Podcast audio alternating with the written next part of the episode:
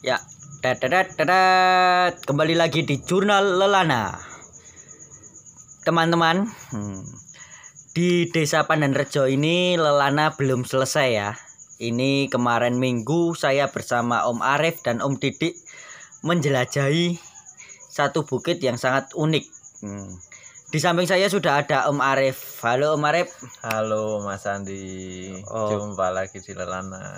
Oke, ini Om Arif ini kemarin kita sudah jalan-jalan di mana Om? Bisa diceritakan sedikit ke teman-teman ini? Ya kemarin kita coba menaiki Bukit Sibongkol yang di situ adalah bagian dari Kendali Sodo juga. Mungkin soalnya Kendali Sodo kan terdiri dari runtutan lingkungan ruang lingkup ada ya Tawangsari, ada Purbowono sama Pandanrejo sendiri. Hmm.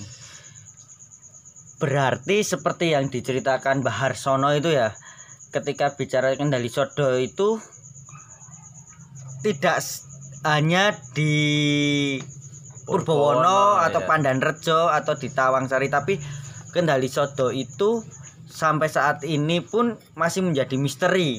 Sampai mana ruang lingkup atau jaringan dari kendali sodo sendiri. Oh, Kalau sepengetahuan Om Arif sendiri atau cerita-cerita dari Simbah, titik pusat dari kendali sodo itu di mana? kalau titik yang dinamakan Kendali Sodo sebenarnya di dusun Gamblok Purbowono itu dan mungkin bentuknya cuman bukit. Kalau yang bentuknya gunung ya si bongkol itu, yang si bongkol. Yang kemarin kita Iya. susuri itu ya, kita betul, naiki ya. betul, Mas ya.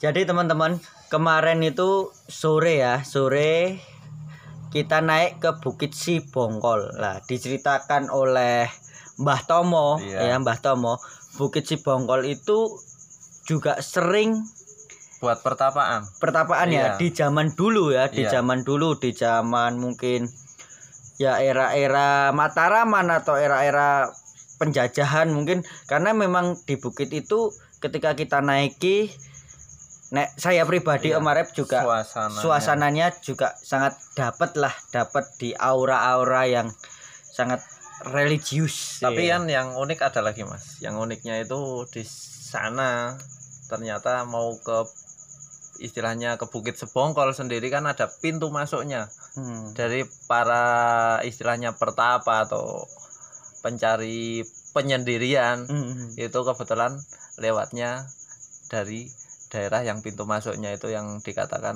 Watu Tulis itu. Hmm. Ya, seperti yang kemarin kita obrolkan dengan Mbah Tomo itu ya. Mbah Tomo itu adalah warga Tawangsari dengan usia 80 tahun Bulan lebih kemungkinan bisa lebih. Mas. lebih ya. Dia cerita kalau di pintu masuk pintu masuk Bukit Sibongkol itu ada watu tulis ya. Watu Tulis. Watu tulis dan Ma- pundan atau makam. makam, Makam. makam bentuknya makam jadi batu dua yang ini orang sana ada yang bilang katanya anu kuburan jaran Kuburan jaran. iya Tapi, Tapi- ketika Mbah Harsono ditanya, "Ini kuburan atau apa?"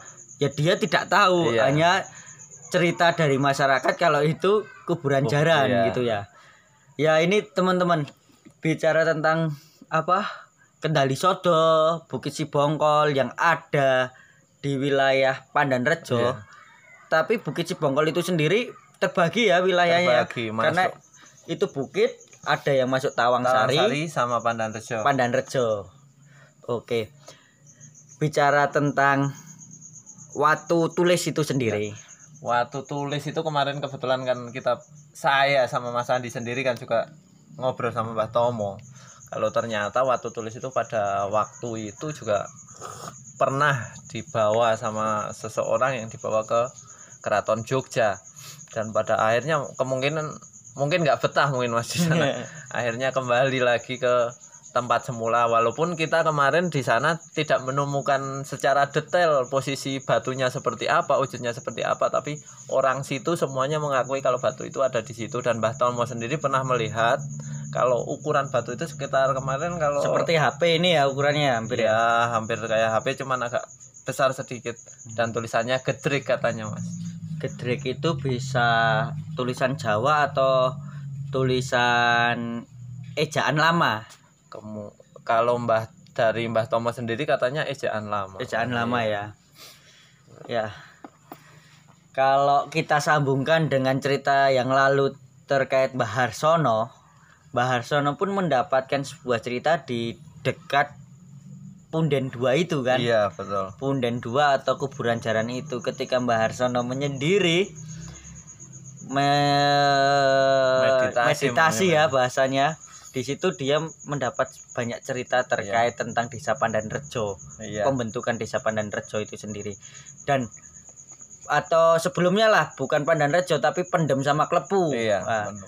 Dan kalau dilihat dari kemarin saya ngobrol sama Mbah Tomo sendiri kan kemungkinan situ masuknya masih masuk pendem. Jadi yang Tawang Sari itu sebelum mungkin menjadi kepemerintahan itu kan masih wilayahnya pendem. Pendem ya Iya. dan waktu tulis itu berada itu perbatasan ya, Perbatasan. berada di Pandan Rejo. Pandan Rejo sedangkan makam jaran itu berada di Tawang Sari. Iya. Ya. Tapi mending Tawang apa terlihat. taman ya? Tawang Sari. Tawang Sari. Tapi mending tidak terlihat kemarin. Coba kalau kita lihat. Hmm, Mungkin kita akan lebih tertarik lagi. tertarik lagi. ternyata kata Mbah Tomo mungkin perlu dilihat perlu diterawang di karena Terawang. karena barangnya mungkin sangat kecil mas Ya.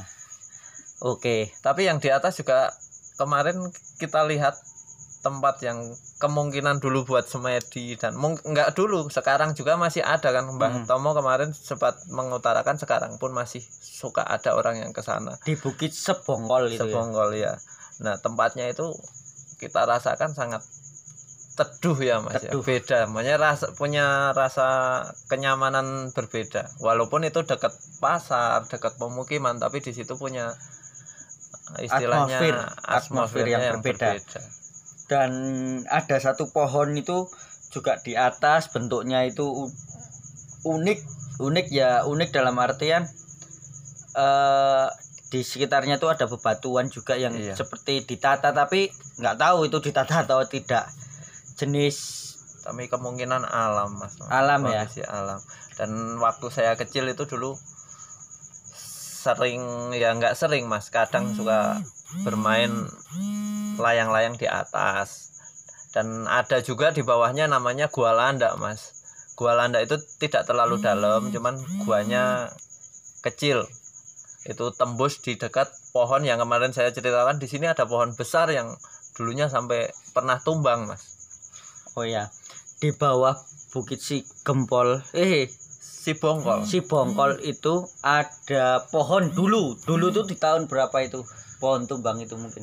Tumbang ya saya sekitar SMP SMA SMA kelas 1 mungkin mas. Tahun berapa? Itu berarti sekitar du 99 2000 tahun 2000-an itu dikatakan di bawah bukit si bongkol itu ada pohon besar. Yang pohon besar itu tumbang dan dirasakan ketika tumbang itu sekitarnya bergetar seperti gempa. Berarti kan itu besar banget ya dan Bes- ketika kemarin kita lihat sendiri lubang daripada bekas bekas Iya, pohon sangat itu sangat besar. besar, dan dulu ada lo ini mas. Tengahnya pohon itu berlubang mas. Jadi Hmm. dulu karena isengnya anak-anak itu kadang bisa naik lewat dalam ya. Anak-anak bukan anak-anak kecil mas ya anak remaja lah. Itu suka naik ke atas. Suka ada burung kalau orang sana bilang nagan mas. Kemungkinan kayak burung hantu ya? burung hantu tapi yang besar Hmm. gitu. Ini sebuah cerita yang unik yang mungkin belum ditemui juga di di Pandan Rejo ketika bicara tentang ada apa sih di sekitar kita. Dan pastinya bukit ini menjadi saksi bisu juga. Iya banyak saksi cerita. biksu juga ketika banyak petapa atau banyak orang-orang yang hadir dan datang di situ untuk mencari sebuah inspirasi untuk saat ini ya Iya. tidak cuma sekedar Iya. kopi buku gitu ya mencari inspirasi atau senja tapi orang-orang dulu orang-orang Jawa dulu mereka mencari inspirasinya dengan naik di Bukit Sibongkol ini.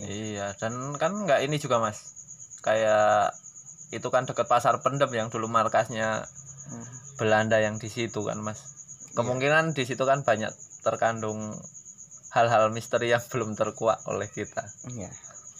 Ya, teman-teman, mungkin cukup sekian ini cerita yang asik karena kemarin kalau teman-teman ikut aksesnya itu cukup sulit juga karena sudah lama banget tidak dijamah Iya. tidak dijamah manusia dan mungkin cukup sekian untuk cerita jurnal Lelana Pandan Rejo jangan lupa untuk Instagramnya dan teman-teman jika ingin bergabung bisa langsung hubungi aja DM di jurnal Lelana 494 terima kasih semuanya. Selamat beristirahat dan terus bersama dengan jurnal Lelana